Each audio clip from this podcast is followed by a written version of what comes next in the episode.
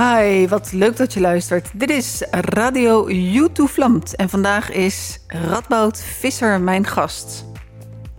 En dan ben je natuurlijk benieuwd, waar gaan ze het over hebben? Ja, we gaan het over leuke dingen hebben. Over een relatie. Over een match vinden.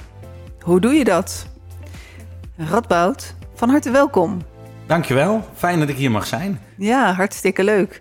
Uh, ik heb bedacht, stel, het is niet zo, maar stel wij zouden daten met elkaar. Hoe zou jij jezelf voorstellen? Nou, als wij zouden gaan daten, zou ik me denk ik niet zo voorstellen. Zou ik er vooral voor zorgen dat we een heel leuk gesprek hebben. Gaan we dadelijk op nog, op nog terug. Zeker weten. Gaan we dadelijk op terugkomen, want we hebben wel een bepaalde visie en een bepaald uh, model uh, bij mensen en relatie. Maar als ik in het kort mezelf zou voor moeten stellen, uh, 53, 27 jaar bij mijn vrouw, drie kinderen, woon in een klein dorpje in, eh, in het Limburgse landschap. En um, sinds een jaar of dertig directeur van, uh, van Mens en Relatie, het grootste relatiebindingsbureau uh, in, in Nederland. En ik denk dat we bij de top 10 van de wereld horen qua, qua grootte en zeker ook qua professionaliteit. Hmm, Wauw. Werd jij op een dag wakker en dacht jij, laat ik eerst mee gaan starten met dating? Uh, nee, nee, nee. Mijn moeder uh, is uh, begonnen. wat ze eigenlijk, ze is eigenlijk begonnen op de tennisclub. Een vriendin zocht een, zocht een relatie. Mijn moeder kende een, een, een, leuke man. Heeft die twee bij elkaar gematcht. Dat ging rond op de tennisclub van als je iemand zoekt, Zoek, dan, dan, moet je, bij haar zijn. zijn. Moet je bij haar zijn. Dus toen kreeg ze wat meer aanvragen. En zo werd het van, van, van heel klein net iets groter. En ehm, vanuit, um, um, zou ik maar zeggen, de stad ging het naar de provincie. En van de provincie ging het naar nog meer provincies. En toen zaten we ineens in het hele land. En jij zag jouw moeder dat doen? En toen heb je haar gevraagd: Mam, ik zoek ook een vrouw. Uh, nee. Nee, dat, dat is een ander verhaal. Uh, het, we hebben nu twee verhalen. Enerzijds het, het verhaal van hoe ben ik in, in het bedrijf gekomen. Uh, mijn moeder groeide als school, had een medewerkster, die werd ziek. En ik werkte toen bij Defensie, onderofficier bij de luchtmacht. Ik werkte in ploegendienst, dus ik had links en rechts wat tijd wat over. Tijd over ja. En dus ik ging een stuk administratie en uh, een stuk financiën oppakken om dat uh, te stroomlijnen, omdat het toch wel, uh, het bedrijf groeide te hard. En dus ik heb dat opgepakt en ben eigenlijk niet meer weggegaan. Ben ik gestopt bij Defensie en ben het bedrijf ingegaan. Mm. En toen een tijdje later, toen moest er iemand directeur worden en toen werd ik het. Ja, leeft je moeder nog? Ja, die leeft nog. Ja, ja. Die, toevallig hebben we gisteren hebben we, uh, een matchmakers event gehad, zoals we dat noemen. Een jaardag met, uh, met al onze consulenten uit het land. En uh, daar, daar, gaat mijn moeder ook altijd mee. Mm -hmm. ja. ze, ze, kan het wel loslaten? Ze kan wel het bedrijf aan jou overlaten? nou, aan ons moet ik zeggen. Want um, ik heb een zus, twee jaar ouder. Die zit bij ons in het bedrijf. Die is, het is echt een familiebedrijf. Ja, ja dus mijn zus zit erin. En, en ik heb een, een jongere broer. En die zit er ook in. Ja, ja. Oké, okay. en, en het andere verhaal van uh, aan je moeder vragen van... hé, hey, uh, ik ben uh, available, weet je ook nog iemand voor mij? nou ja, zonder mezelf op de borst te kloppen of groter te maken dan het is... maar dat had ik niet heel hard nodig, zal ik maar zeggen. ik was relatief actief op die leeftijd, als ik het zo mag zeggen, met, met, met, met, met meiden. En... Um, dus het verhaal zoals ik het heb onthouden, zoals ik mijn vrouw heb ontmoet. andere mensen kunnen daar een andere, andere beleving in hebben. Maar het was zo dat um, mijn vrouw kende ons van de middelbare school. Ik kende haar niet van de middelbare school. Um, en um, wij kwamen elkaar tegen. Nee, ik moet, we stonden in een café. En uh, een vriend van mij zei van, hey, die vind ik leuk. En waarop ik zei, ik ga jou voorstellen. Want dat was in mijn werk. Dus ik zeg, kom maar, ik ga je voorstellen. Daar ontstond een gesprek tussen mij en mijn, en mijn toekomstige vrouw. Zij wist dat niet en zij vond er helemaal niks aan. Dus zij vertrok. Eh, mijn vriend teleurgesteld, want die dacht dat ik hem ging voorstellen. Eh, mijn toekomstige vrouw teleurgesteld, want die vond er geen bal aan. En uh, toen hebben we elkaar later opnieuw ontmoet. En toevallig. toen is er toevallig en toen is er wel wat ontstaan. Mm. Ja.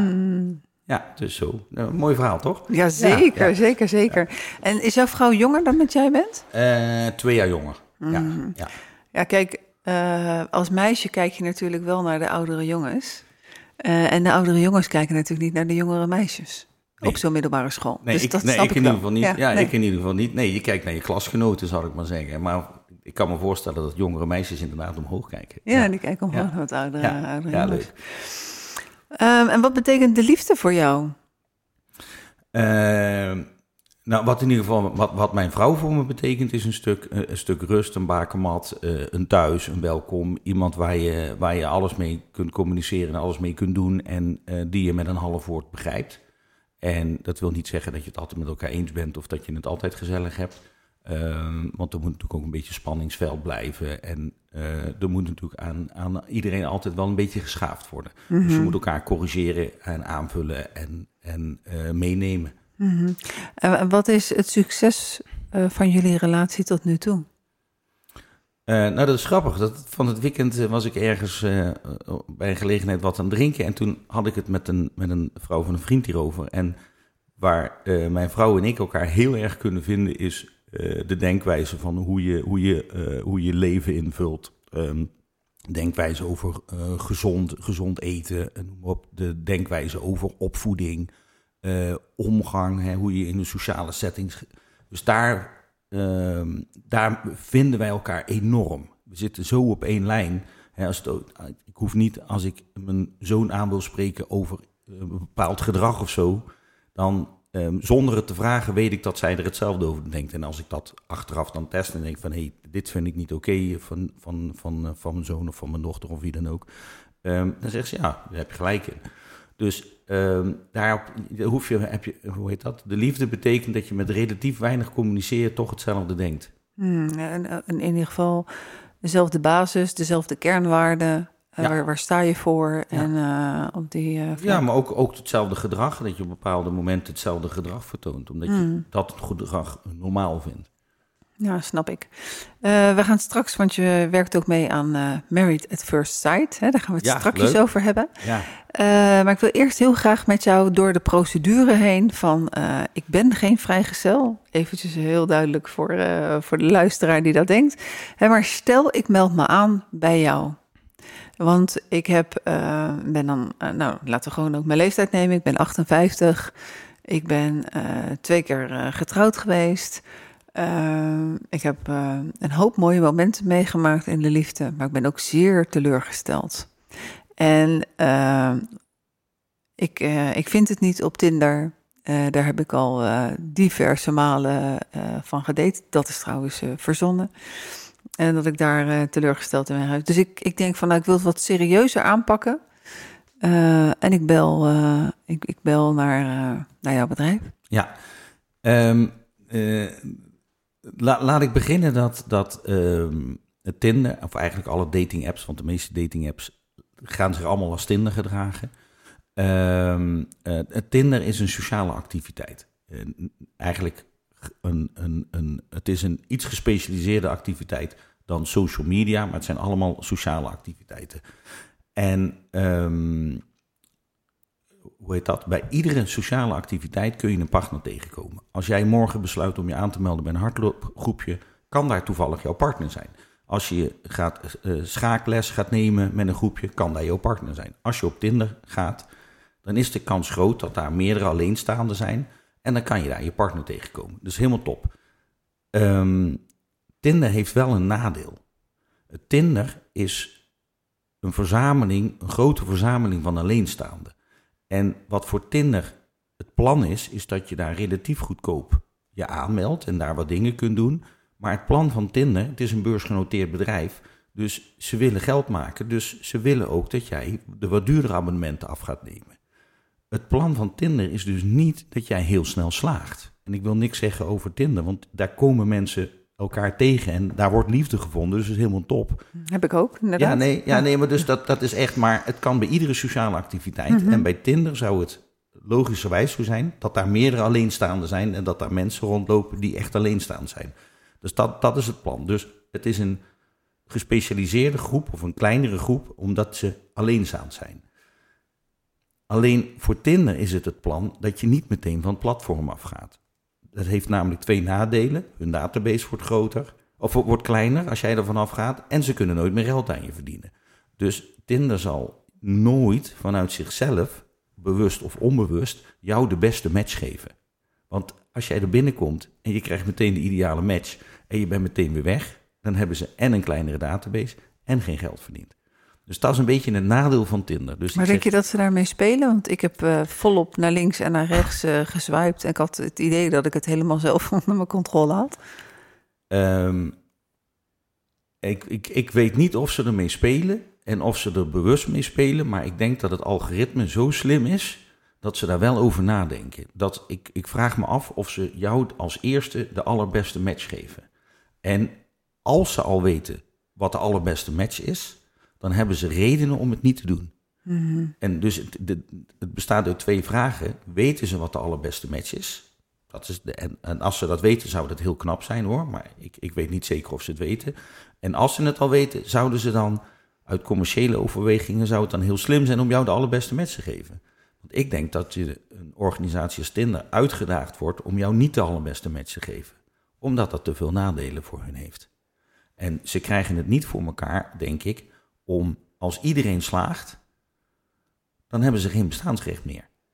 En ja, ik, ik denk als je een miljoen profielen hebt, dan kun je toch heel snel heel veel mensen laten slagen. Maar het gebeurt niet, want ze houden die miljoen profielen in stand. Bewust of onbewust. Ik zeg niet dat, ze, dat, dat het, ik zeg niet dat aangetoond is dat het unfair is. Ik zeg alleen dat er redenen zijn dat je zou kunnen aannemen dat het niet handig is als iedereen op, op, op Tinder slaagt. Mm Bij mensenrelatie is het anders. Wat wij doen is, uh, wij gaan, komen bij jou thuis, we gaan met jou in gesprek, we gaan kijken wat je nodig hebt, we gaan je kansen inschatten.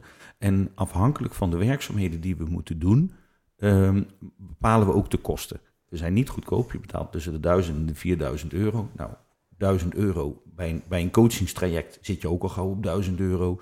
Um, wij gaan matchen en coachen tegelijkertijd. Om enerzijds ervoor te zorgen dat we voldoende kennis vergaren. Dus in het intakegesprek vergaren we kennis. Maar tijdens de matchprocedure vergaren we ook weer kennis om tot jouw ideale match te komen. Uh, en tegelijkertijd gaan we in meer of mindere mate coachen. Het is afhankelijk van de inschatting van de consulent. Hoeveel moeten we jou aan coaching en begeleiding geven, zodat jij die partner vindt. En daarnaast kunnen we ook nog een aantal andere tools inzetten om een partner te vinden. We kunnen in gesprek gaan met collega-bureaus, we kunnen uh, op datingsites kijken, we kunnen actief werven. Dat doen we bijvoorbeeld ook op LinkedIn of um, doen we in kranten. Daar zetten we teksten neer over kandidaten van ons. Hopen we dat mensen erop reageren. Dan kunnen we van daaruit weer kandidaten selecteren om voor te stellen. Dus we hebben een hoop activiteiten om ervoor te zorgen dat we enerzijds goed kunnen matchen en anderzijds uh, jou goed kunnen begeleiden. Ja, dus als ik mij uh, zou aanmelden en uiteindelijk je vindt een match uh, met een meneer, laten we die meneer uh, Karel noemen. Ja. Totaal geen Karels in mijn leven, dus dat is een mooie naam om te noemen. Uh, dan word ik gecoacht door, door, de, mensen, door, de, door, door mijn coach. En hij wordt gecoacht door, door, door, een andere collega in een ja. andere provincie. Ja. En ten behoeve van, van het daten wat we zullen gaan doen. Ja, nou, dit is natuurlijk heel interessant, want als um, um, we zitten hier in Den Haag. Nou, in Den Haag hebben we René Loeven. Is al, al heel lang consulent voor, voor mensenrelatie. Dus jij zou uh, als uh, consulent René Loeven hebben. Maar het kan ook dat uh, de man ook uit Den Haag komt. Dus ja. dan is hij ook bij René Loeven bekend. Maar het kan ook iemand uit, uit Rotterdam zijn. Hebben we Lisa Kolen. En um, het interessante voor ons is dat wij, als wij een match uh, hebben en twee mensen hebben contact met elkaar en die gaan op date met elkaar, dan krijgen wij daar onafhankelijk een terugkoppeling over. van. We Mhm. krijgen daar een kort verslagje van. Dus, maar dat vertelt iets over jou en het vertelt ook iets over Karel. En Karel vertelt iets en dat zegt iets over Karel, maar dat zegt ook iets over Annette. Dus um, op die manier krijgen wij steeds meer inzicht over wie je bent en wat je zoekt en waar we mee kunnen helpen. Overigens is het ook zo, en dat is uh, iets wat wij anders doen dan andere bureaus. Um, en dat is ook iets wat we bij Meredith First hebben, hebben ingebracht. En daar gaan we het dadelijk over hebben. Um, wij zijn niet zo geïnteresseerd in wie jij zoekt. Wij zijn vooral geïnteresseerd in bij wie je past. En daar zit soms, lijkt dat heel erg op elkaar. En soms ligt dat heel ver van elkaar af. Ja, want ik kan iets zoeken. Uh, nee, jij kan iets vinden, uh, jij kan denken dat iets bij mij past, terwijl ik naar iets totaal anders zoek. Ja, en dan zou ik het graag willen omdraaien. Jij kunt naar iets zoeken wat totaal niet bij je past. Ja. Hè, jij bent ook coach, dus dan ben je bekend met het Ohari-venster. Daar zit in van eh, je blinde vlek. Eh, hè, daar zit in van ehm, eh, wat zie jij aan mij? Of hè, wat herken je aan mij wat jij niet weet? Of geef jij mij iets, eh, geef je mij iets niet over jou, ehm, zodat ik jou niet weet? En het lastige met daten is natuurlijk, als jij een grote blinde vlek hebt... En jij weet iets niet van jezelf en de ander weet het ook niet, kun jij nooit een ideale match vinden. Maar als ik iets in jou herken of iets wat mij triggert, wat jij niet weet, dan kun jij niet weten dat ik een goede partner zou kunnen zijn. Dus het, eh, je moet en helemaal weten wie, wie je zelf bent, maar je moet ook weten wat je uitstraalt en wat je een ander geeft als beeld. Want alleen dan kun je een goede match creëren. In Precies, optiek. hè? ja. En ook het stukje van wat, heb je, wat draag je nog met je mee? Wat zit er in je rugzak vanuit je Ja. verleden, vanuit je ouders, vanuit je jeugd? En eh, wat zoek je dan in je relatie? Ja, en, en waarom zoek je dat in je relatie? Want als dat allemaal uit je rugzak komt, dan is dat wellicht door een ander of door een gebeurtenis of door het gedrag van een ander ingegeven, waardoor je helemaal verkeerd aan het zoeken bent. En dan kun je nooit niet slagen op een datingsite. Als jij met het verkeerde vertrekpunt vertrekt en je loopt de verkeerde kant uit, ga je nooit op je eindbestemming bestemming raken. Dus wat wij heel graag willen doen, is wij willen objectief naar jou kijken. En objectief kijken of datgene wat jij uitzendt, uitstraalt, eh, een ander meegeeft, of dat ook daadwerkelijk past bij wie je bent. En of dan ook die partner eh, die wij voor jou gaan zoeken, of die daar ook bij past. En soms lukt dat heel goed. Niet in alle gevallen, laat ik dat ook heel duidelijk zeggen. Drie van de vier slaagt binnen een jaar. Dat houdt ook in dat één van de vier niet slaagt in dat jaar. Dus dat moet ik er ook meteen bij zeggen. Maar goed, dating sites is, eh, is, is 10, 15 procent. eh, dus we doen het nog altijd beter. Precies, hè? Ja, En, en wat zijn voor vragen waarbij je, je mij uitdaagt, waardoor jij die diepere laag eh, kan vinden van wat past bij jou, in plaats van dat ik denk van wat ik zoek. Nou, nou wat, wat wij belangrijk vinden, wat wij het allerbelangrijkste vinden, is. ehm, nou, laat ik het anders zeggen. Laat ik het anders zeggen. Waar mensen naar op zoek zijn, is een spark. Waar mensen naar op zoek zijn, zijn, zijn je, je, wil, je wil iets zien om verliefd op te worden op, op bij een ander. Je, je wil geraakt worden. Je wil, nou, en dat vinden we een beetje, dat komt een beetje voort uit de Hollywood-mythe. Hè, we, we zijn allemaal grootgebracht met Disney-films. De En- prins op het witte paard. die prins op het witte paard en die kust en nou, ze leefden nog lang en gelukkig. Nou, kansloos. Ehm, even heel kort, kansloos. Ja, kansloos. ja. Nee, maar wat veel belangrijker is, en zeker, eh, ehm, we zijn allebei net boven de 50. En ehm, eh, het is veel belangrijker dat onze levens in elkaar passen. Dus ik wil weten hoe jij je leven invult. Ik wil weten hoe, wat, wat jij belangrijk vindt in je leven. Ik wil weten over waarden en normen. Ik wil weten waar je met je leven naartoe wil. En ehm, dat zorgt ervoor dat je bij elkaar gaat passen. En ehm, ehm, of, je, of je meteen op de eerste slag verliefd bent, ja, het zal wel of het zal niet. Maar dat zegt niks over je relatie op de langere termijn. Want je kunt zoveel men- mensen tegenkomen waarbij je denkt van, wow, die is leuk. En, en, en, en vervolgens kom je nergens. Dat heeft geen zin. Dus wij beginnen bij het tweede stuk. Wij beginnen bij, past jouw leven, past die ander in jouw leven en pas jij in het leven van die ander? En ga je elkaar in dat leven aanvullen en aanmoedigen en, en komt dan, kom je dan uit bij datgene waar je behoefte aan hebt en waar je naar op zoek bent op langere termijn. Als jij zegt, ik wil ehm, eh, nog een keer een wereldreis maken en we hebben iemand die alleen maar op de bank wil zit en voetbal kijkt, ja, dan, dan, dan gaat dat nooit leuk worden. Nee, Maar dan kan hij wel een hele knappe kop hebben. ja. En hij kan ook wel voetbal kijken in alle landen. Nee, maar goed, maar als iemand Ja, dat dan zegt... wat je van- bedoelt, Nee, ja. maar, dus, maar daar gaat je leven om. Precies. Ja, ik merk zelf dat, eh, eh, nou, ja, ik had dan eh, denk ik heel veel geluk met Tinder. De tweede date was, was gelijk raak. Eh, maar in dat voorgesprekje eh, zei ik ook al tegen jou van nou, ik heb best wel veel, veel werk en, en, en steeds beter lopen, een goede praktijk. Ja, leuk. Ik sta twee dagen voor de klas. Ik heb één dag eh oma-dag. Dat is ook hard werken, maar wel ook met het, met het hart zalig werken. Ja, ja. Dus dat betekent dat, dat wij hebben heilige momenten afgesproken. Dat is de woensdagavond, dat is de dateavond. Eh, en zaterdagmiddag, avond, zondag eh, tot maandagochtend. ja. Eh, en zo latten wij. Ja. Maar dat betekent inderdaad wel dat, dat mijn partner wel mij die tijd moet gunnen om, om mijn, mijn eigen bedrijf, mijn praktijk, en dan ben ik ook nog eens een boek aan het schrijven, om, dat, om daar tijd voor te gunnen. Want anders dan zou ik ook geen match hebben. Nee, en, en in dit geval gaat het natuurlijk ook over het communicatieniveau. Kun jij met hem over praten dat jij dat zo wil en kan hij dat ontvangen? En, en als je er dan samen over kan praten, je komt ergens op uit waar je, eh, waar je samen blij mee bent, dan kun je een relatie gaan vormen. Ja. En het is niet gebaseerd of je, of je iemand leuk vindt of dat je lol hebt met iemand of whatever, om, om, omdat je die eerste dates zo leuk zijn. Maar dat komt omdat je daarover kunt overleggen, omdat je de een of je allebei kunt aangeven wat je wil en je komt ergens uit. En zo gaan wij onze relatie aankleden. Ehm, en dan kun je langdurig bij elkaar blijven. Ja, wat zijn de, wat zijn de verwachtingen? Hoe kijken we hier naar? Ja. Ehm, Dus dat is een van de dingen die wij vragen. Ja. En hebben jullie dan eh, ook nog advies voor het stuk leer elkaar eerst kennen? Zoals bijvoorbeeld in, ik weet niet, ken je het boekje van de Zeven Sluiers? Ja, nee, heel ver. Ja, ik Dat je wel. elkaar heel langzaam leert kennen en Ja. dat je dus heel voorzichtig bent met het fysieke contact. Dat zelfs eh, Ja. het, het zoenen eh, niet gelijk bij de eerste Nee. date, eh, seks niet Nee. gelijk bij de eerste date. Seks is een, ehm, bij de, ehm, Helen Fisher. Ik weet niet of je die kent. Helen Ja. Fisher, niet de zangeres, maar die andere.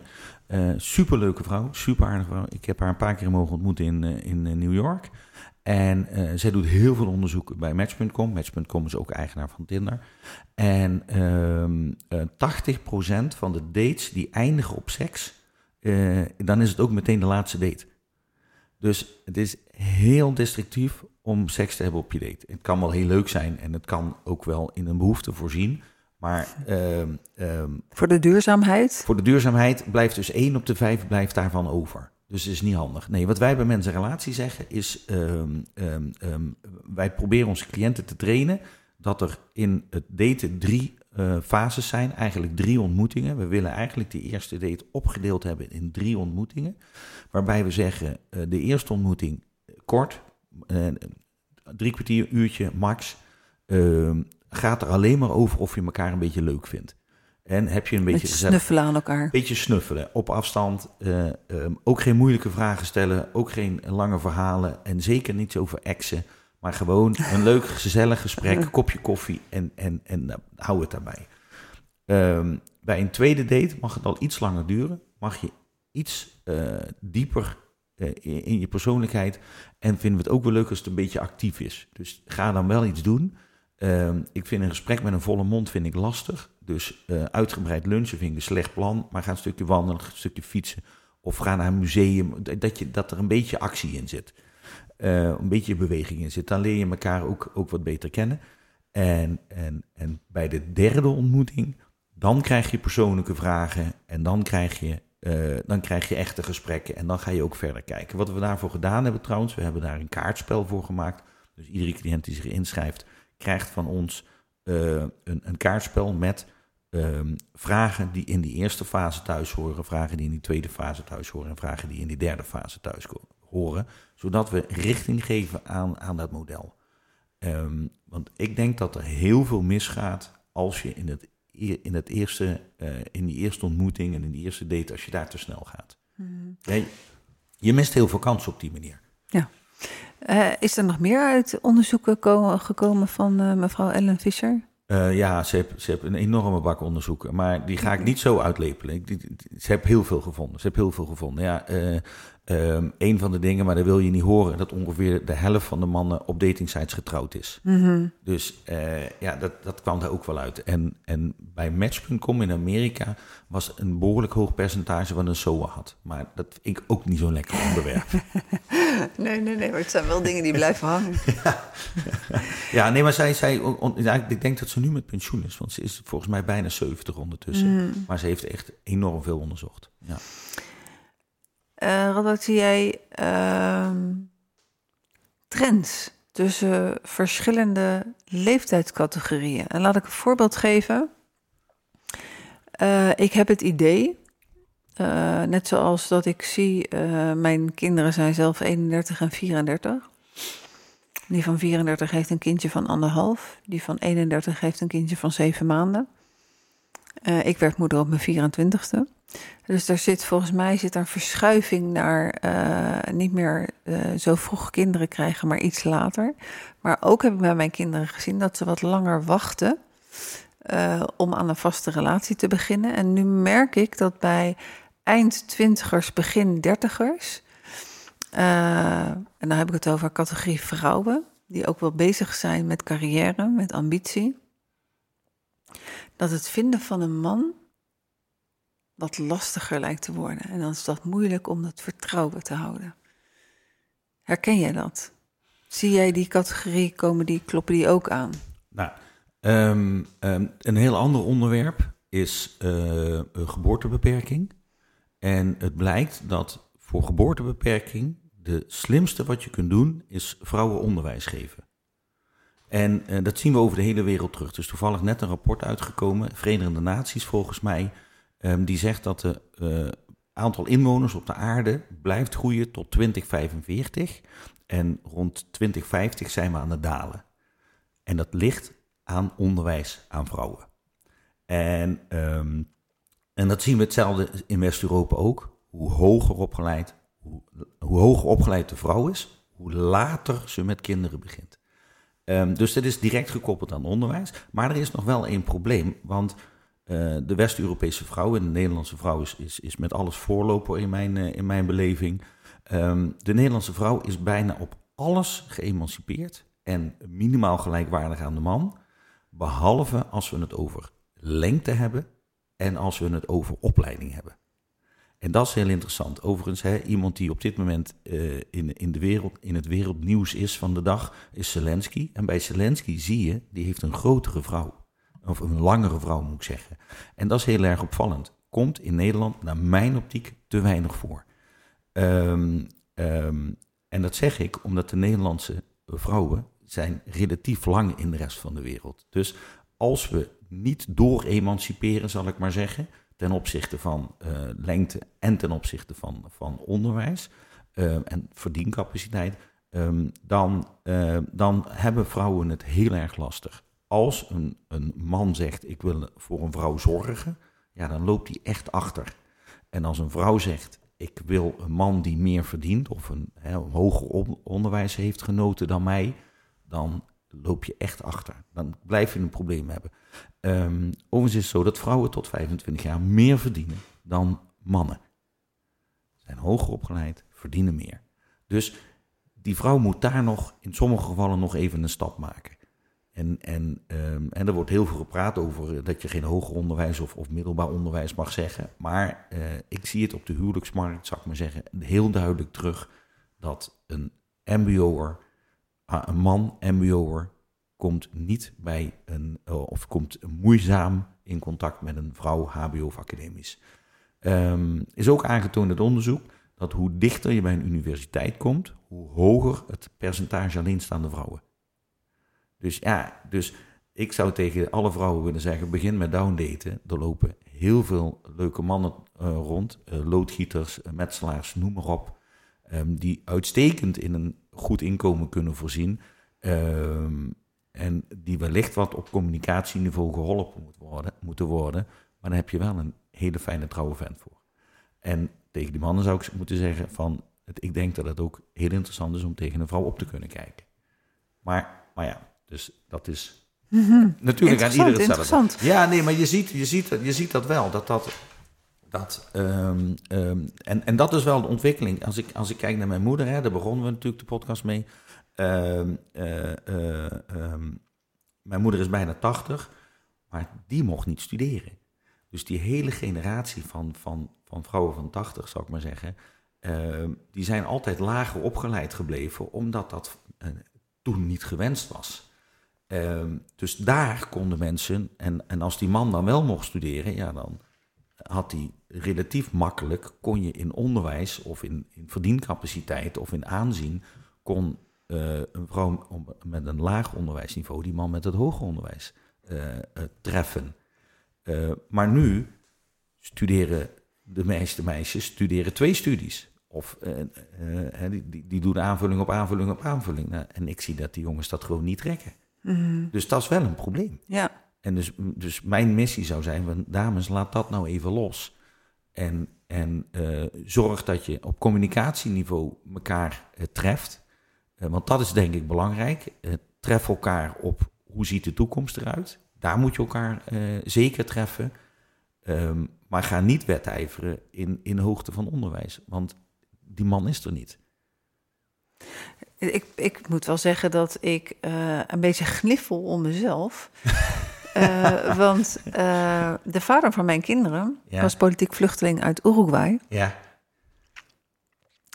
Was 19 jaar ouder. Ja. Was kleiner. Ja. En was lager opgeleid. Ja. Uh, en uh, nou, we hebben in ieder geval twee schatten van kinderen gekregen. We zijn tien jaar samen geweest. Ja. en toen zijn we gescheiden. Daar, vijf jaar daarna is hij overleden. Maar uiteindelijk dus op langer termijn. Ehm, en dan moet ik zeggen, ik vond die, ik, vond die lengte erg, erg vervelend. Ja. Het is op, op al onze trouwfoto's ging ik door mijn knieën heen om iets lager uit te komen. Inmiddels ben ik gekrompen. Ja. Uh, maar ja, de, uh, het maakt ook niet uit als ik al met twee centimeter krimp was ik nog kleiner dan dat hij was natuurlijk. Hij was lager opgeleid. Ik denk, maar ik denk dat vooral uh, andere cultuur en leeftijdsverschil uh, groter was voor ons. Dat, dat was, dat, dat was de bottleneck. Was. Dat was de bottleneck, ja. Maar het is, het, is heel, het is heel herkenbaar dat je zegt van ja, ik was groter. Um, um, dat is ook grappig, want hakken hebben ze uitgevonden voor mannen en niet voor vrouwen. Oh, echt? Ja, dat wist hakken, ik niet. Hakken zijn, ik weet niet wanneer ze uitgevonden zijn, maar heel lang geleden. Um, de eerste schoenen met hakken waren voor mannen. En, en, nu zien we ineens de vrouwen op die hakken lopen, al heel lang natuurlijk. Um, um, maar die vrouw mag niet groter zijn dan die man. Zoals je al zegt, ja, op een trouwfoto, ik vind het niet uitzien. En dat is wel jammer, dat is wel een beeld waar we vanaf moeten. Ja. Want het maakt niet uit wie groter is. Het gaat erom wie samen gelukkig is. Maar goed, het, voor ons bij mensen relatie, dat wil ik ook even duidelijk maken. dat je dat aan mag geven. Dus Precies. Ik, ik vind het onzin, maar ik ga het niet voor jou bepalen. Mijn vrouw is overigens een heel stuk kleiner dan mij, hoor. Dat even terzijde. Mm -hmm. ja. ja, dus uh, en zijn, er, zijn er nog meer weetjes die interessant zijn voor luisteraars? We hebben net nu gehad over die categorie uh, vrouw tot en met uh, 35 zo'n beetje. Uh, kan je nog, zijn er specifieke leeftijdscategorieën die, die bepaald iets met zich meebrengen waardoor je net een ander aandachtspunt hebt? Nou, wat, wat heel erg interessant is, een, een, een laatste ontwikkeling die ik, die ik wel zie, ik zie hem al een paar jaar, maar het, het, het, ik heb het idee dat het nou een beetje doorbreekt. Um, um, wat ik merk is dat, dat um, vrouwen op latere leeftijd die, die zorgen meestal goed voor zichzelf, zorgen meestal goed voor, voor hun uiterlijk, meestal goed voor hun sociale contacten, noem maar op. Even, latere leeftijd, wat bedoelen we dan heel specifiek? Nee, 60, 65, okay. laat, ik, laat, laat ik 60, 65 zoeken, uh, benoemen. En um, um, mannen kunnen soms een beetje verslonzen, een verslons huishouden, noem maar op. En dat is jammer, die twee mensen gaan elkaar niet treffen, die gaan elkaar niet leuk vinden. En um, waardoor we twee mensen potentieel bij elkaar zouden kunnen krijgen, die elkaar door bepaald gedrag niet gaan vinden. En wat zien we nou? Als we in een relatie zitten, dan zien we dat het initiatief van de man naar de vrouw gaat. Dus we zien in het begin van de relatie, hè, de, de man moet moest vroeger de vrouw ten dans vragen, zal ja. ik maar zeggen. Laat ik het dan zo uittonen. Dus daar zit het initiatief. En in het begin uh, neemt die, moet die man moet, moet haar verrassen en een etentje en een weekendje weg, zou ik maar zeggen, heel, heel uh, platgeslagen. Uh, maar gedurende de relatie wordt de vrouw bepalender in het gedrag, in een standaard hetero-relatie. Op het moment, uh, in, in een ouderwetse relatie, legde die, die, die vrouw die legde die kleren nog klaar voor die man, anders zag het er niet uit, zou ik maar zeggen. Heel gegeneraliseerd en platgeslagen. En ik dat er, kan ik er niet genoeg bij zeggen. Maar Um, um, dus dat initiatief gaat over naar die vrouw. Dan gaan die twee uit elkaar. Of er, is een overlijden. Of he, he, ze blijven apart over. En die vrouw zit dan volledig in het initiatief. En die man zit volledig in het passief. En dan zien we dat die mannen er niet uitkomen. Terwijl die man in basis een geschikte partner zou zijn voor die vrouw. Want ze zijn daar gelijkwaardig in. Communicatie is gelijkwaardig. Zit die vrouw nog altijd in de activiteit. En dat zien we ook, vrouwen die alleen komen. Die gaan op clubjes, die, die gaan uh, voor de kinderen oppassen, noem maar op. En die man die heeft geen idee wat hij moet doen. En dat is, dat is wel een ontwikkeling die we zien. Ehm, het tweede wat ik zie, is dat die vrouw dan ook zegt, en misschien is dat een gevolg van het eerste, maar wat ik ook zie, is dat die vrouw dan zegt, ja, maar ik wil graag een jongere partner, want die zijn veel actiever.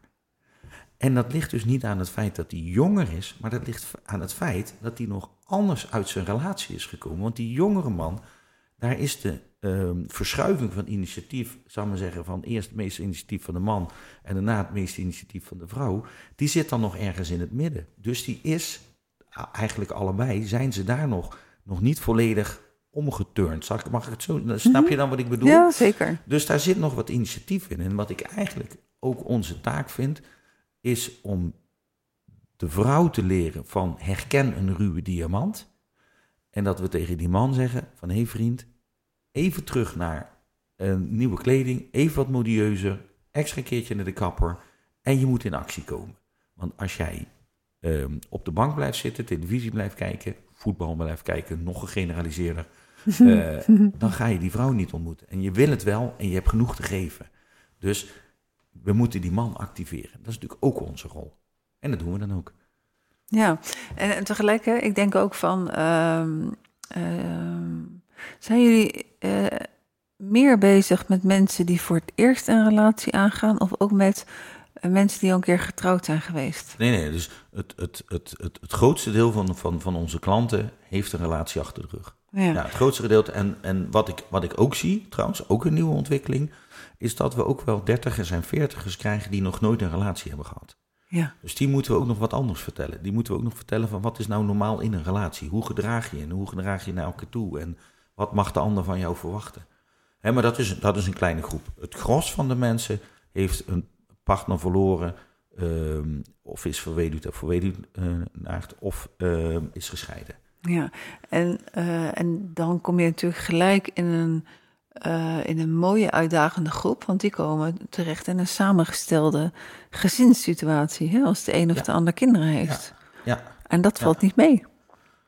Uh, ja, maar daar zijn wij niet bij, hè? Nee, maar dan, dan komen ze bij mij terecht. nee, maar dat klopt. Nee, maar goed, maar ik, ik hoop dat, dat onze klanten daar goed over nadenken. En ik kan me heel goed voorstellen dat als je in die leeftijd zit met kinderen, dat het dan, eh, jonge kinderen of pubers of, of noem maar op, dat het dan heel lastig is. Maar uh, het voordeel bij ons is dat mensen zeggen, of dat wij dan zeggen van hé hey joh, uh, uh, is het niet heel verstandig om ruim te beginnen met een latrelatie en, en niet meteen de wens uit te spreken, ik wil, ik wil gaan samenwonen, want het lijkt me zo gezellig. Ja, dan zit je met vijf of zes kinderen in huis. Is dat iets wat je wil? Maar ook dat gesprek gaan we natuurlijk aan. En, en als dan iemand zegt van ja, dat is heel graag wat ik wil, want hoe meer kinderen, hoe meer vreugde, prima. Maar dan moeten we daar de juiste partner bij vinden. Ja, zeker. Ja, ja. zeker. Uh, gezien de tijd wil ik toch ook nog wel naar uh, MAFs gaan. Anders kunt daar ja. helemaal niet meer over hebben. Ja. Uh, um, laten we het hebben over de afgelopen serie. Serie 8 was dat, hè? Ja, seizoen 8. Ja, leuk. hoeveel zijn er nog getrouwd? De hoeveel zijn er nog getrouwd? Eén um, stel. Eén stel en, en twee Laura, dames. Ja, Laura en Katelijn. Ja, helemaal leuk. Zo'n leuk stel. Twee zo'n leuke meiden. Ja. En, en, en hoeveel waren er begonnen? Uh, um, zeven stellen in totaal. Ja, er waren eigenlijk zes stellen begonnen. Eén stel ontplofte meteen. Dat was, uh, dat was goed voor de, voor de kijkcijfers. En, en, en uh, toen is er een, een extra stel gekomen, zeven. Dus dat was, en um, zeg maar seizoen zes waren ook zes stellen. Toen bij seizoen zeven hebben we zeven stellen ingevoerd. Daarvan zijn er nog twee stellen nog helemaal bij elkaar en helemaal happy. En nou seizoen acht hebben we, hebben we één, één stel wat, uh, wat nog helemaal happy is. Mm. Ja. Is er al ergens uh, van alle andere seizoenen, is er een babytje geboren al? Ja, de, ja, er is van seizoen 2, zeg ik uit mijn hoofd, een babytje, maar daar was ik niet bij. En er is nog, um, ja, ik zal, ik zal het even helemaal vertellen. Ja. Um, seizoen 1, of seizoen 1 en 2 zijn ook steeds één stel bij elkaar gebleven. Daar waren we niet bij. Seizoen 3, 4, 5, 6 is niets bij elkaar gebleven, als ik het goed zeg. En toen hebben ze ons gevraagd om mee te doen. Toen zijn we met seizoen 7 begonnen. Daar hebben we twee stellen van bij elkaar gehouden. En uh, seizoen 8, het afgelopen seizoen, is één stel bij elkaar gebleven. Wat vind je het leukste aan, aan deze samenwerking? Um, um, nou, waar ik heel erg op ga is, uh, is uh, dynamiek en, en, en mensen en ander, uh, heel veel verschillende mensen en, en praten met mensen. Nou, dat, ik kan mijn hart, hoe heet dat? Ik kan mijn lol helemaal op. Eh, want ik, ik, spreek een paar honderd mensen per dag. En het gaat echt over, over minuutjes. Want ja, de volgende staat alweer klaar, zeg maar. Ehm, we hebben zeg maar. Ken, ken, je het programma Idols nog herinneren dat mensen op die stoeltjes moesten zitten en dat ze dan doorschoven en zo? Nou, dat hebben wij ook. En wij hebben dan geen, geen die, niet die jury, maar we hebben wel verschillende plekken waar, waar de vragen gesteld worden of waar testen gedaan worden of dergelijke. Dus we hebben ja, heel onerbiedig gezegd teststraten, uh, waar, waar we met mensen in gesprek gaan. Ja, maar ja, er zijn tussen de 3 en de 4000 aanmeldingen en daar moet je een selectie van maken. En je moet achteraf moet je 14 mensen hebben die bij elkaar uh, uh, kunnen in setjes. Dus je moet heel veel mensen zien, heel veel mensen spreken, heel veel mensen onderzoeken. En, en in, in een hele korte tijd heel veel data verzamelen. En um, ja, dat, dat, dat, vind ik wel heel leuk. Ja, daar kan ik wel intens van genieten. En kijk, um, er zijn heel veel mensen die zeggen: uh, ja, je hebt nu zeven stellen gepresenteerd en er is er maar één van geslaagd. En dan zeg ik: ah, allereerst, alle veertien hebben ze aangegeven, mij lukt het niet, want anders doe je niet mee.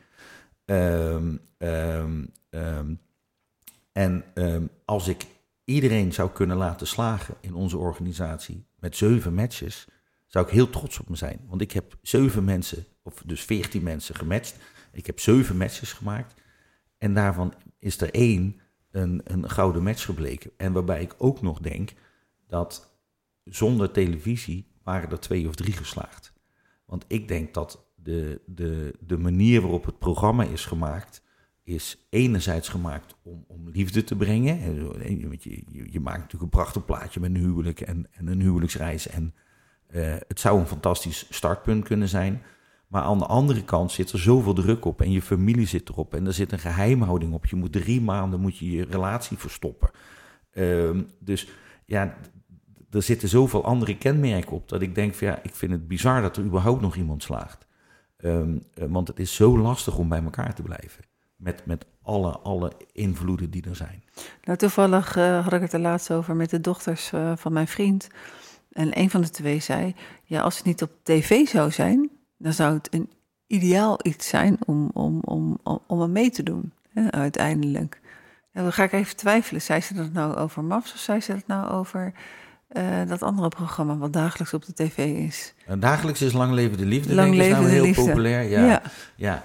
Uh, ja, oké. Okay, nou, ik, ik weet niet precies hoe lang Leven de Liefde werkt. Uh, maar volgens mij matchen zijn niet zo als uitgebreid zoals wij matchen. Um, en hebben ze ook niet 1 op 7 succes. Of wij hebben 3 op 14 in twee jaar tijd. Dat wij erbij betrokken zijn. Dus 3 op 14 klinkt beter als 1 op 7 volgens ja. mij. dus 3 op 14. En, maar wat, wat wij willen echt dat mensen slagen. Dus mensen worden van tevoren en achteraf daar serieus op begeleid. En ik denk dat die begeleiding ook nog wel beter kan. Um, als daar tijd en geld voor is. En als mensen dat ook zouden willen. Want wat iedereen wil is eigenlijk gewoon verliefd worden. Ja. En wij zitten daar dan doorheen te, te, te, duwen en te zeggen: je moet nu dit en je moet nu dat. Maar, en tegelijkertijd moeten ze van televisie ook wel weer een hoop. Um, maar het is wel een hele gekke manier van ontmoeten. Het is een hele vreemde eerste date. Het voordeel is dat je wel op je mooist bent. Want ja, ja je doet toch moeite voor je, huwelijks, uh, voor, je, voor je huwelijksdag, zou ik maar zeggen. Zowel de man heeft natuurlijk een fantastisch pak aan. Die gaat een keer extra naar de kapper en een keer extra naar de sportschool. Dat geloof ik allemaal wel. En, en de vrouw staat natuurlijk in de mooiste jurk die ze, die ze aan kan hebben. Um, um, dus ja, je komt daar wel op het mooist. Maar je zit ook meteen met die familie die, die meteen in je nek zit eigen. En die er ook wat van vindt. Dus, uh, nee, je moet gelijk je koffer pakken om op uh, 24-7 bij elkaar te zijn. Uh, nou, dat is niet helemaal zo. Mm. Maar je, want je hebt een dag. Je, na de huwelijk heb je nog een dag dat je je koffer mag halen. Uh, en daarna ga je op reis. Ja. Nou, dan, dan, zit je meteen in dezelfde hotelkamer, zit in dezelfde badkamer. Nou, dat, dat, dat moet met een camera erbij. Met een camera erbij, uh, ook bijna 24-7. Dus ja, ik, is, ik, ik, vind dat er heel veel druk op ligt op de mensen. Dus ik ben erg verbaasd dat we het voor elkaar krijgen om, om 3 uit 14 te halen. Ja, Radboud, stel, en ik hoop het niet en ik wens het je ook niet toe maar dat er iets in je relatie gebeurt waardoor jullie gaan scheiden. Zou je dan nooit ooit openstaan om mee te doen aan zoiets? Nee, nee ik, uh, nee, ik vind het al erg genoeg dat ik nu op televisie moet. Dus, en wat is precies je rol? Uh, nou, ik ben matchmaker. Dus um, um, ik ben samen met Patrick, hoe heet dat, verantwoordelijk voor, voor de testen. Voor, en, en Patrick doet heel veel de testen van tevoren. Mijn zus is daarbij betrokken als psycholoog. Ehm, ehm, en met, met, we maken met z'n vieren de matches. Maar ik durf wel te zeggen dat ik daar net iets grotere stem in heb als de rest.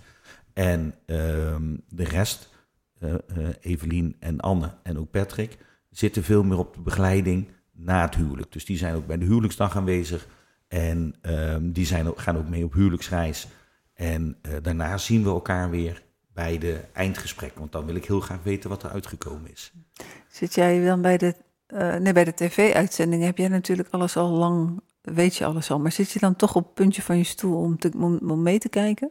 Uh, nee, want ik weet alles al. Mm. Ja, dus, maar ja, heb je dan ook het beeldmateriaal al gezien? Ja, nou ja, ik zie het beeldmateriaal, dat is even lastig. Ik, um, um, uh, ik weet niet of ik het mag vertellen van RTL, maar de uitzending van RTL op, op televisie, en de week daarvoor zit het al op Videoland, en de week daarvoor hebben wij het. Mm. Dus dat is een beetje, maar daarvoor weet ik het al. Want ik heb ook contact met die kandidaten. Ja, maar heb je nog niet gezien? Nee, maar ik weet ook niet wat ze uitzenden. Dus, want er is, er is zoveel materiaal geschoten. Dus ik weet niet precies wat ze uitzenden. Maar ja, ja waar moet ik ermee? Ik kan er hm. toch niks meer aan veranderen. Dus, nee, maar je, hebt die matches gemaakt. Dus het lijkt me dan dat je echt super, super, super benieuwd bent van uh, ja, hoe ziet maar, het eruit? ja, maar dat gebeurt allemaal van tevoren. Dat gebeurt allemaal al van tevoren. Want, um, uh, zou maar zeggen, um, als het, het opgenomen is dan is het, is het meeste al bekend. Dus hoe, hoe, moet ik dat zeggen? Ja, wij hebben al contact onderling. En we hebben contact met die kandidaten en, en we hebben contact met redactie. Dus we hebben een hele actieve appgroep, zou ik maar zeggen. Mhm. Als er positief of negatief iets gebeurt. Ja. ja. En bij het matchen, ga je dan eigenlijk net zo te werk als dat je het zelf doet bij je eigen bedrijf? Of gaat het er nog wat... Uh, grondiger aan toe? Of, of anders aan toe? Of korter aan toe? Nee, het gaat er uh, uh, zowel langer als korter aan toe. Uh, er wordt meer digitaal getest, dus vragenlijsten en noem maar op. En, en een van de dingen die we bijvoorbeeld bij Mary doen, uh, is DNA testen. Um, dus uh, voor de jongere mensen is dat heel belangrijk. Um, nou, dat is op zich wel interessant wat ik nou ga vertellen. Vertel. ja, ja, ja. Nou, DNA, DNA, DNA. er zit een heel klein stukje in je DNA. En Patrick kan je daar precies vertellen. maar er zit een heel klein stukje in je DNA. En dat stukje DNA gaat over je immuunsysteem. Wat wij als ras zoogdier willen, is dat de DNA's, eh, hoe heet dat, je immuunsystemen, dat die bij elkaar, dat die elkaar complementeren. Dus ik wil niet exact hetzelfde immuunsysteem hebben als jou. Um, um, en als ik dus een ander immuunsysteem heb, dan zal ons nageslacht sterker zijn dan dat wij zijn. Dat is een beetje het plan. Um, want dan wordt ons nageslacht sterker en het nageslacht daarna ook weer sterker. Dus je moet uh, en daarom is het ook niet zo handig als familieleden met elkaar, want die hebben hetzelfde immuunsysteem. Mm, dus die moeten niet met elkaar voortplanten. Dat is nog meer nadelen. Nou, de grap is dat datzelfde stukje DNA, of dit gedeelte DNA, bepaalt welke bacteriën op je lichaam doodgaan en welke blijven leven. En dat bepaalt hoe jij s'morgens ruikt. Dus jou, wij kunnen vanuit DNA voorspellen, redelijk voorspellen of jij vindt dat je partner morgens lekker ruikt. Wat is nou belangrijk voor jouw relatiekeuze? Dus jouw geur. En die kun je ook niet uitschakelen, want je ruikt elkaar. En het is ook wel een van de dingen die ervoor zorgen dat het lastiger is om de juiste partner te vinden. Want we wassen ons allemaal, we spuiten van alles op. Eh, we spuiten van alles dood, zal ik maar zeggen. En, en, en, en ehm, we ruiken anders dan we werkelijk zouden ruiken. Maar als we zouden ruiken zoals we, zouden, als we ruiken, dan zou het veel makkelijker zijn om je partner te herkennen. Maar goed, we kunnen bij het programma kunnen we wel dat DNA-onderzoek doen. Maar bij mensenrelatie doen we dat niet. Ik denk niet dat iedereen willig is als wij dan bij iemand thuis. Snap ik. Ja, ja dus dat, daar kunnen we het niet doen. Bij het programma doen we het wel. Uh, heeft ook de, reden dat we daar kunnen zeggen van uh, mensen kunnen wel of niet een nageslacht uh, hoe heet dat, krijgen op basis van, van hoe het DNA eruit ziet. Ja, dus dat is iets anders. Dus, en we doen hele uitgebreide vragenlijsten die mensen in moeten vullen. En bij mensenrelatie hebben we veel meer een gesprek. Dan gaat het veel meer over wie jij bent en over, ja, over hoe je, waar we het net over hadden, dat leven in willen geven. En daarvoor hebben we bij Merit eigenlijk veel minder tijd. Hmm. Ehm, is het een beetje mm, afkijken bij uh, de serie uit Australië? Ja, het is, het is, het, nou nee, nee, nee, nee, nee, nee. Ehm, het is een Zweedse serie die de hele wereld over is gegaan. Ehm, ehm, de Australische versie is enorm succesvol, vooral in Australië. daarvan heeft Nederland, Nederland eh, RTL zendt op Videoland ook Match or Mistake uit. die is gebaseerd op de Australische versie. En de eh, RTL-versie van Married is gebaseerd op de originele Zweedse versie.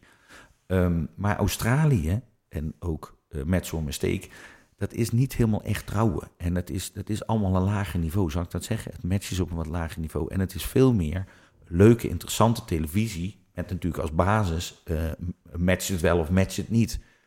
Bij de uh, uh, Nederlandse versie, de RTL-versie, daar gaan we ervan uit dat een match goed is. En dat mensen kunnen trouwen en dat die samen verder kunnen. Dat is, dat is de basis.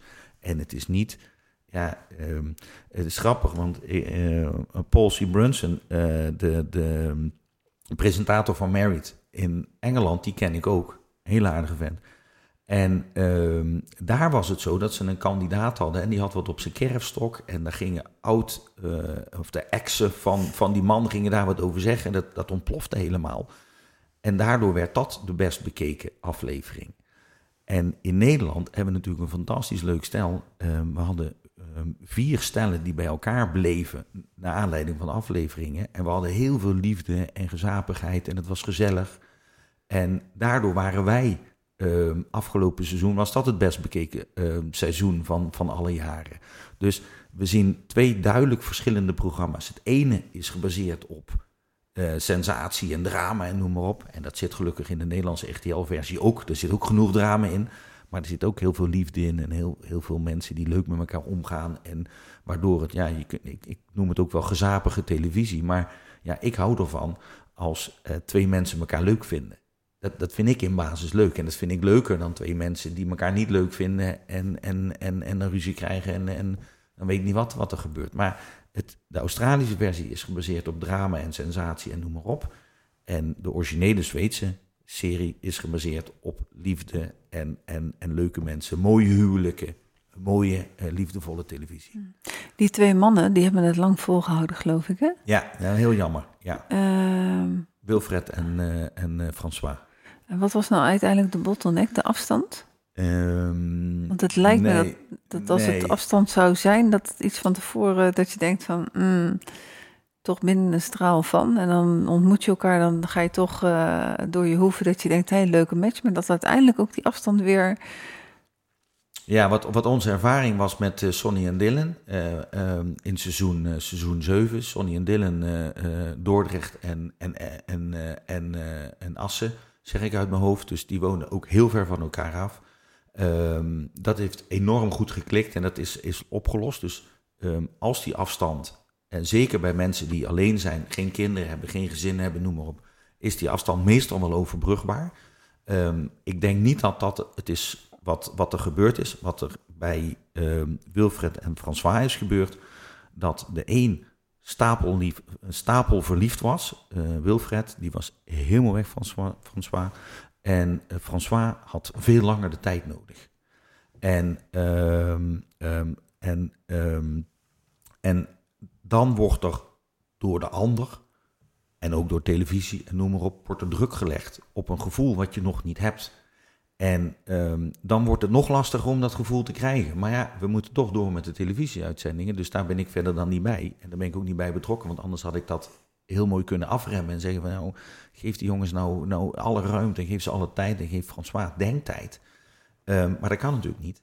Want het programma zit in een vast ramien. En ik denk dat daardoor te veel drukte kwam. En als ze nou um, en bij Katelijne en, en Laura zag je dat ze het allebei heel rustig aandeden. En dat ze allebei op dezelfde manier elkaar ontdekten. En um, dat zag je vorig jaar bij Rowan en Ashley ook. Die hadden heel duidelijk communiceerden die over wat ze in iedere stap um, wilden doen en wat ze van de ander verwachten. En dat was zo'n uh, prettige manier van communiceren dat ze, zij alle tijd konden hebben om die relatie op te bouwen zit je daar niet hetzelfde in en, en lijkt het niet dat je op, heb je niet het gevoel dat je op hetzelfde punt uitkomt, ja, dan word je allebei teleurgesteld. Want, en zeker diegene die heel erg verliefd is, als hij die ander niet mee kan krijgen in dat gevoel, kan ik me voorstellen dat dat heel erg teleurstellend is. En, uh, maar ik denk dat het, een, uh, dat het een fantastisch goede match was.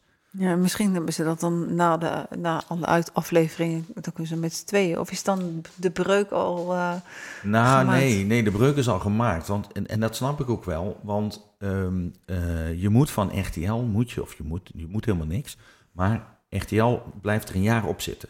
Dus als jij binnen dat jaar wil trouwen, of sorry, wil scheiden, dan uh, regelt RTL dat. En dan wordt alles netjes afgewikkeld. Dus je moet dan wel tegen elkaar zeggen: ja, ik wil scheiden. Ja, Want ja. je wil ook niet blijven aanmodderen. En dan dat het later moeilijker wordt om die scheiding te organiseren en te regelen en noem maar op. Wat, wat voor ellende krijg je daarvan? Dat als de een wil scheiden en de ander wil niet. Nou, hou op. Dus als um, um, die begeleiding erop zit gedurende het eerste jaar en je zegt van je geeft aan, maar ja, ik wil scheiden, nou dan wordt dat geregeld. En dan wordt het ook goed geregeld, want die uh, notarissen en die advocaten die er in het begin op zitten om uh, dat huwelijk goed te regelen, die blijven daarbij. Dus, maar als de een zegt, je, je, probeert een paardje te vormen en de een zegt van ja, we gaan scheiden, ja, dan is het voor die ander ook klaar. Ja, dat is, dat is kansloos. En dat, is, ja, dat gebeurt ook wel bij daten. En dat zie je ook bijvoorbeeld bij, bij, bij Bed and Breakfast en de Liefde... of bij, bij, bij First Dates of dat, of dat andere programma... dat één iemand zegt, ja, ik weet niet of het wat gaat worden. Nou ja, dan is de ander ook, ja, ik weet ook niet of het wat gaat worden. Nou, doei, dan is het al klaar. Precies, het geeft Ja. onveiligheid. Hetzelfde als in de relatietherapie, als één zegt van nou, eh, eh, ik heb er geen zin meer in, pak je koffers maar. Eh, als dat een paar keer gezegd wordt, dan geeft het ook die onveiligheid. Geeft het ook onveiligheid. En dan wordt de ander, ja, da- da- daar gaat die relatie niet beter van ja. worden. Daar gaat die relatie nooit beter van worden. Nee. Eh, we gaan heel snel. Ja, lekker. Kunnen we nog een uur extra doen? Want, Nee, sorry, nee, nee. Eh, nog even op de valreep. Vijf tips. En misschien heb je ze al ergens in, eh, in deze uitzending gezegd. Maar kan je ze even dan herhalen? Of misschien komen er nieuwe bij kijken. Wat is jouw top vijf tips bij het daten? Ehm, eh, nou, ehm, allereerst gras. Hoe lang heb ik? Nou, je, Twee minuten? eh, nee, je kan gewoon rustig Oh, uitpraten. oké. Nou, gras gaat niet harder groeien door eraan te trekken. Dus neem je tijd, doe rustig aan, zet er geen druk op, ook niet voor jezelf. Je hoeft met de volgende kerst niet per se een partner mee te nemen.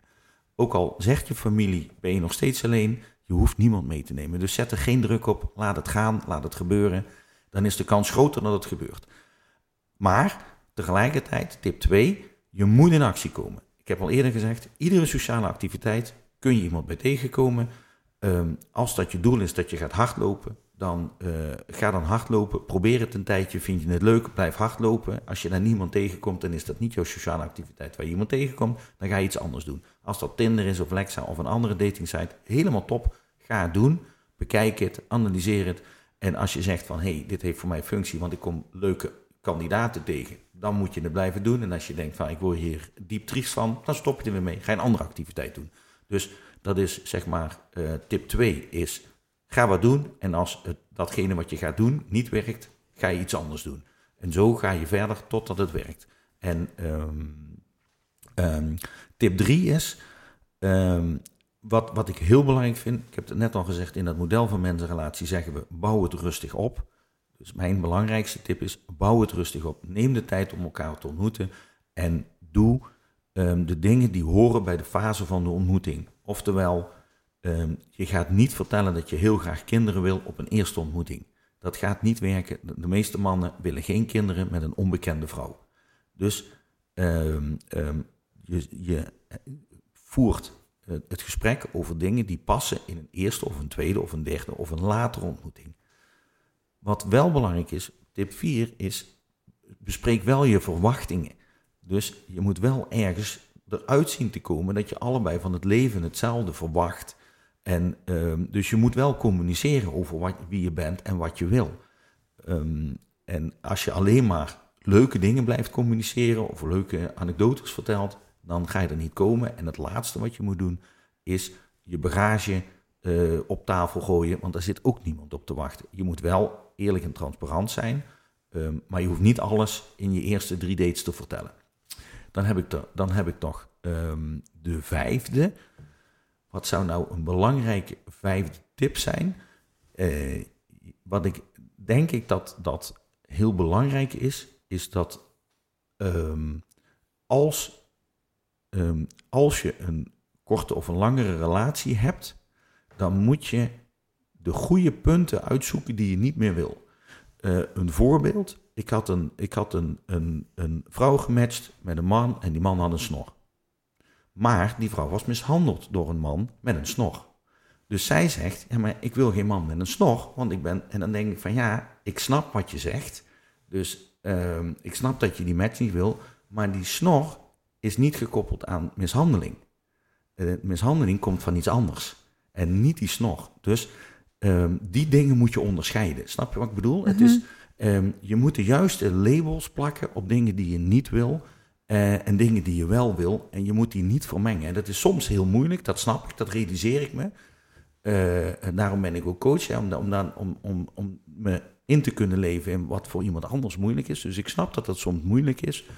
Um, maar uh, um, je moet dingen op de juiste manier labelen. En dan zal ik je uh, tip 6 zeggen. Um, veel vrouwen kijken James Bond films. Maar James Bond is een psychopaat. Dat is iemand die uh, rent rond, schiet mensen neer en duikt met zijn secretaresse in bed. En dat is ook een stukje van die Hollywood-mythe. En dat is eigenlijk een beetje ook dat verhaal van Disney. Um, er is een bepaald beeld van bepaalde mensen geïdealiseerd. En dat is niet het beste relatiemateriaal. In, in West-Europa vinden we uh, stoere mannen, uh, noem maar op, vinden we interessant. Ook mannen vinden die mannen interessant. En dat is heel gek als je gaat kijken naar Zuidoost-Azië. Daar vinden ze vooral aardige mannen interessant. En dus dat geldt zowel voor mannen als voor vrouwen. We moeten af van beelden die we van televisie krijgen. En we moeten terug naar waarden die in het leven gelden. En als je daarmee gaat zoeken, dan kom je bij hele andere mensen uit. En waarschijnlijk ook bij mensen waar je veel prettiger mee samen kunt leven. Dus wat dat betreft, films, televisie, social media, noem maar op, die geven een wat vertekend beeld. Dus als je dat achter je kunt laten, um, dan kom je bij een hele andere partnerkeuze uit. Ja, dan heb je eigenlijk meer heb je het over uh, een duurzame relatie. Dan heb je het veel meer over duurzame relatie en veel minder over een spark of een, of een verliefdheid op het eerste gezicht. En daar moeten we echt vanaf. Liefde op het eerste gezicht. Mijn vrouw liep weg bij de, bij de eerste ontmoeting. Dus ja, dus. Duidelijker. Kan ja, dit, duidelijker zijn. kan het niet zijn. En nu zijn we 27 jaar, bijna ja. 28 jaar later. Dus. Uh, uh, uh, en we, en we zoeken, heel veel mensen zoeken naar, naar, naar die vlinders in hun buik of whatever. Nou, daar kan ik nog ook wel het een en ander over vertellen, maar daar hebben we geen tijd voor. Um, maar dus dat, dat zijn zes tips. Uh, we moeten echt op een andere manier gaan zoeken. Ja, ik heb, ik heb zelf een nieuw woord bedacht en dat is relatie-CV. Ja. En uh, om het daar uh, eens over te hebben met, met, met, met ja, ja, op een gegeven moment ga je natuurlijk van wat heb je tot nu toe ja. Ja. meegemaakt. Ja. Um, en de ene relatie-CV laat duurzaamheid zien en de andere relatie-CV natuurlijk niet. Ja, maar uh, dat is interessant, want daarvoor moet je mijn zus aan hebben. Uh, voor, de voor een volgende uitzending. Ik ga meteen even reclame maken voor mijn zus. Um, uh, mijn zus is uh, aan het publiceren, dus aan het promoveren. Eén artikel is nu gepubliceerd en er komen nog meer artikelen die gepubliceerd worden. Over um, hechtingstijlen en welke hechtingstijlen uh, je helpen om een relatie te vinden en welke hechtingstijlen je niet helpen om een relatie te vinden. Dus datgene ook wat je in je hechtingstijlen neem je ook mee, wat, wat je van vorige relaties wel of niet geleerd hebt. Tuurlijk, tuurlijk, en, klopt. En, maar sommige dingen gaan je helemaal niet helpen. Dus, uh, uh, dus daar doen we nou heel veel onderzoek naar, om te kijken of we um, mensen nog beter kunnen adviseren in het begin of om daar eerst aan te werken, omdat hun slagingskans te klein is. Want ja, wij willen heel graag ja. mensen die heel snel slagen. Ja, ja. En met die hechtingstijlen is ook interessant. Um, want hechtingstijlen kunnen ook veranderen. Dus als ja. je angstig of vermijdend uh, gehecht bent, maar uh, los van het feit dat het niet je partner zijn verantwoordelijkheid is om jouw hechtingsstijl te veranderen, kan het wel veranderen als je veiligheid vindt binnen, uh, binnen je relatie. Ja. Um, Radboud, wat heb ik je nog niet gevraagd vandaag en waar wil je toch nog antwoord op geven? Dat je hier niet dat hele eind terugrijdt en dat je denkt van... Potverdorie heeft Annette me nog die vraag niet gesteld ook. Nee, ik heb geen idee. Nee, ik hoop, uh, ik hoop dat ik een interessant verhaal heb uh, gehouden. Om, Voor mij wel ik, in ieder geval. Omdat ik uh, de hele dag bevlogen ben over relaties en over mensen. En omdat ik intens van, van mensen kunnen genieten. En dat ik er vooral, ik, ik geniet vooral van mensen die het leuk hebben. En, mm -hmm. en, en waarbij 1 en 1 3 is. En dus ik hoop dat ik daar iets over heb mee kunnen geven. Nou, zeker wel, zeker wel. Nog even een, uh, een, een, een allerlaatste vraagje. Als jij in de kroeg zit met je vrouw, ja? ten eerste, de eerste vraag, hoe ziet dat eruit voor mij als ik jullie zie zitten met z'n tweeën? Uh, nou, in ieder geval uitzonderlijk, want mijn vrouw is niet zo'n kroegtijger. Uh, mij zie je wel regelmatig in de kroeg. Maar als ik jullie samen zie, wat zie ik dan? Uh, dan zie je twee mensen die, uh, die gezellig zitten te keuvelen en een beetje lol hebben. En, uh, en, en op een hele rustige manier een, een biertje en een bitterbal of een, of een wijntje en een kaasje doen. En, mobiels op tafel? Zeg je? Hebben jullie de mobiels op tafel? Ja, we hebben de mobiels op tafel en we kijken ook op de mobiels. en, en, en we hebben meestal hebben we hele geanimeerde. Ja, meestal hebben we hele geanimeerde meerde gesprekken. En, uh, en wat je in ieder geval denkt is dat mijn vrouw tien jaar jonger is dan ik, maar dat is niet zo. Leuk. En hoe kijk jij uh, naar de koppels om je heen? Als je even rondkijkt en je aandacht is weg bij je vrouw, hoe kijk je dan? Kijk je met een, uh, met een, een, blik van hoe zien dan die relaties eruit? Of, uh... ja, ja, ja, ja, heel veel. En, en, en ik, ik, heel veel kijk ik mee of, ik, of, of het voor mij een match is of niet. En, en ik, vooral ook omdat ik daarvan kan leren. En als mensen dan zeggen, ook bij een match, en, en of, ik denk ze zijn een match en ze zijn al 30 jaar bij elkaar, vind ik dat geweldig. Ik ga heel graag het gesprek aan met mensen, ook mensen die ik niet ken. Um, en soms zie ik mensen en dan denk ik van, nou, dit is helemaal geen match. En soms zijn ze dan heel lang bij elkaar en dan denk ik van, hé, hey, je moet even beter kijken. En soms uh, zeggen ze, ja, dat gaat niet zo goed tussen ons. Dus ja, dat vind ik heel interessant. Mm -hmm. Dan ga ik graag met, met mensen in gesprek. Ja, leuk. Ja, en, maar, en als je denkt van, hé, hey, die, dit is een leuke match, wat zie je dan? Um, nou, dan is, je, je ziet, ik weet niet of je het ziet, maar je voelt energie tussen twee mensen die, die samen op dezelfde golflengte zitten. Dat voel je. En dat, hoe moet ik dat zeggen? Um, uh, um, je kunt het niet altijd zien, maar vaak zie je gelijk, uh, gelijkheid. hoe heet dat? Soms zie je AWB-stelletjes. Snap je wat ik bedoel? En dat kan in mimiek zijn, dat kan in gedrag zijn, dat kan in uiterlijk zijn, dat kan in kleding zijn. Of dat kan in, in uh, de manier waarop ze praten of hoe ze elkaar aanvullen. Dat kan op heel veel verschillende manieren zijn. Dus ik denk niet dat er één manier is waarop je uh, met elkaar verbonden kunt zijn. Je kunt op heel veel manieren met elkaar verbonden zijn. En, en als dat goed is en als dat leuk is en als dat helpt, dan moet je dat vooral doen. Dan is het niet aan mij om daarover te oordelen. En uh, soms, uh, hoe heet dat, denk je van, ah, die twee gaan het niet, uh, niet, niet samen lang trekken. En dan blijkt het toch. En soms denk je, dit gaat, dit, jullie snappen het echt niet. En dan is het ook zo, of dan is het een eerste date. Ja, we hebben een eerste date. En, en ik, ja, leuk. denk ik, leuk, maar dit gaat hem niet worden. Nee. Nou goed, Wout. Hartelijk dank voor je aanwezigheid hier. Superleuk. Ik heb er in ieder geval, ik heb wat weetjes gehoord die ik nog niet kende. En uh, mocht je luisteren en uh, op date willen, dan uh, waar, waar, waar kan je gevonden worden? Relatie.nl. Relatie.nl? Relatie.nl, dan kom je ook bij mij uit. Oké, okay, nou hartstikke goed. Dankjewel. Nou, jij bedankt. Leuk. En luisteraar, jij ook bedankt voor het luisteren. Dit was Radio YouTube Vlamt.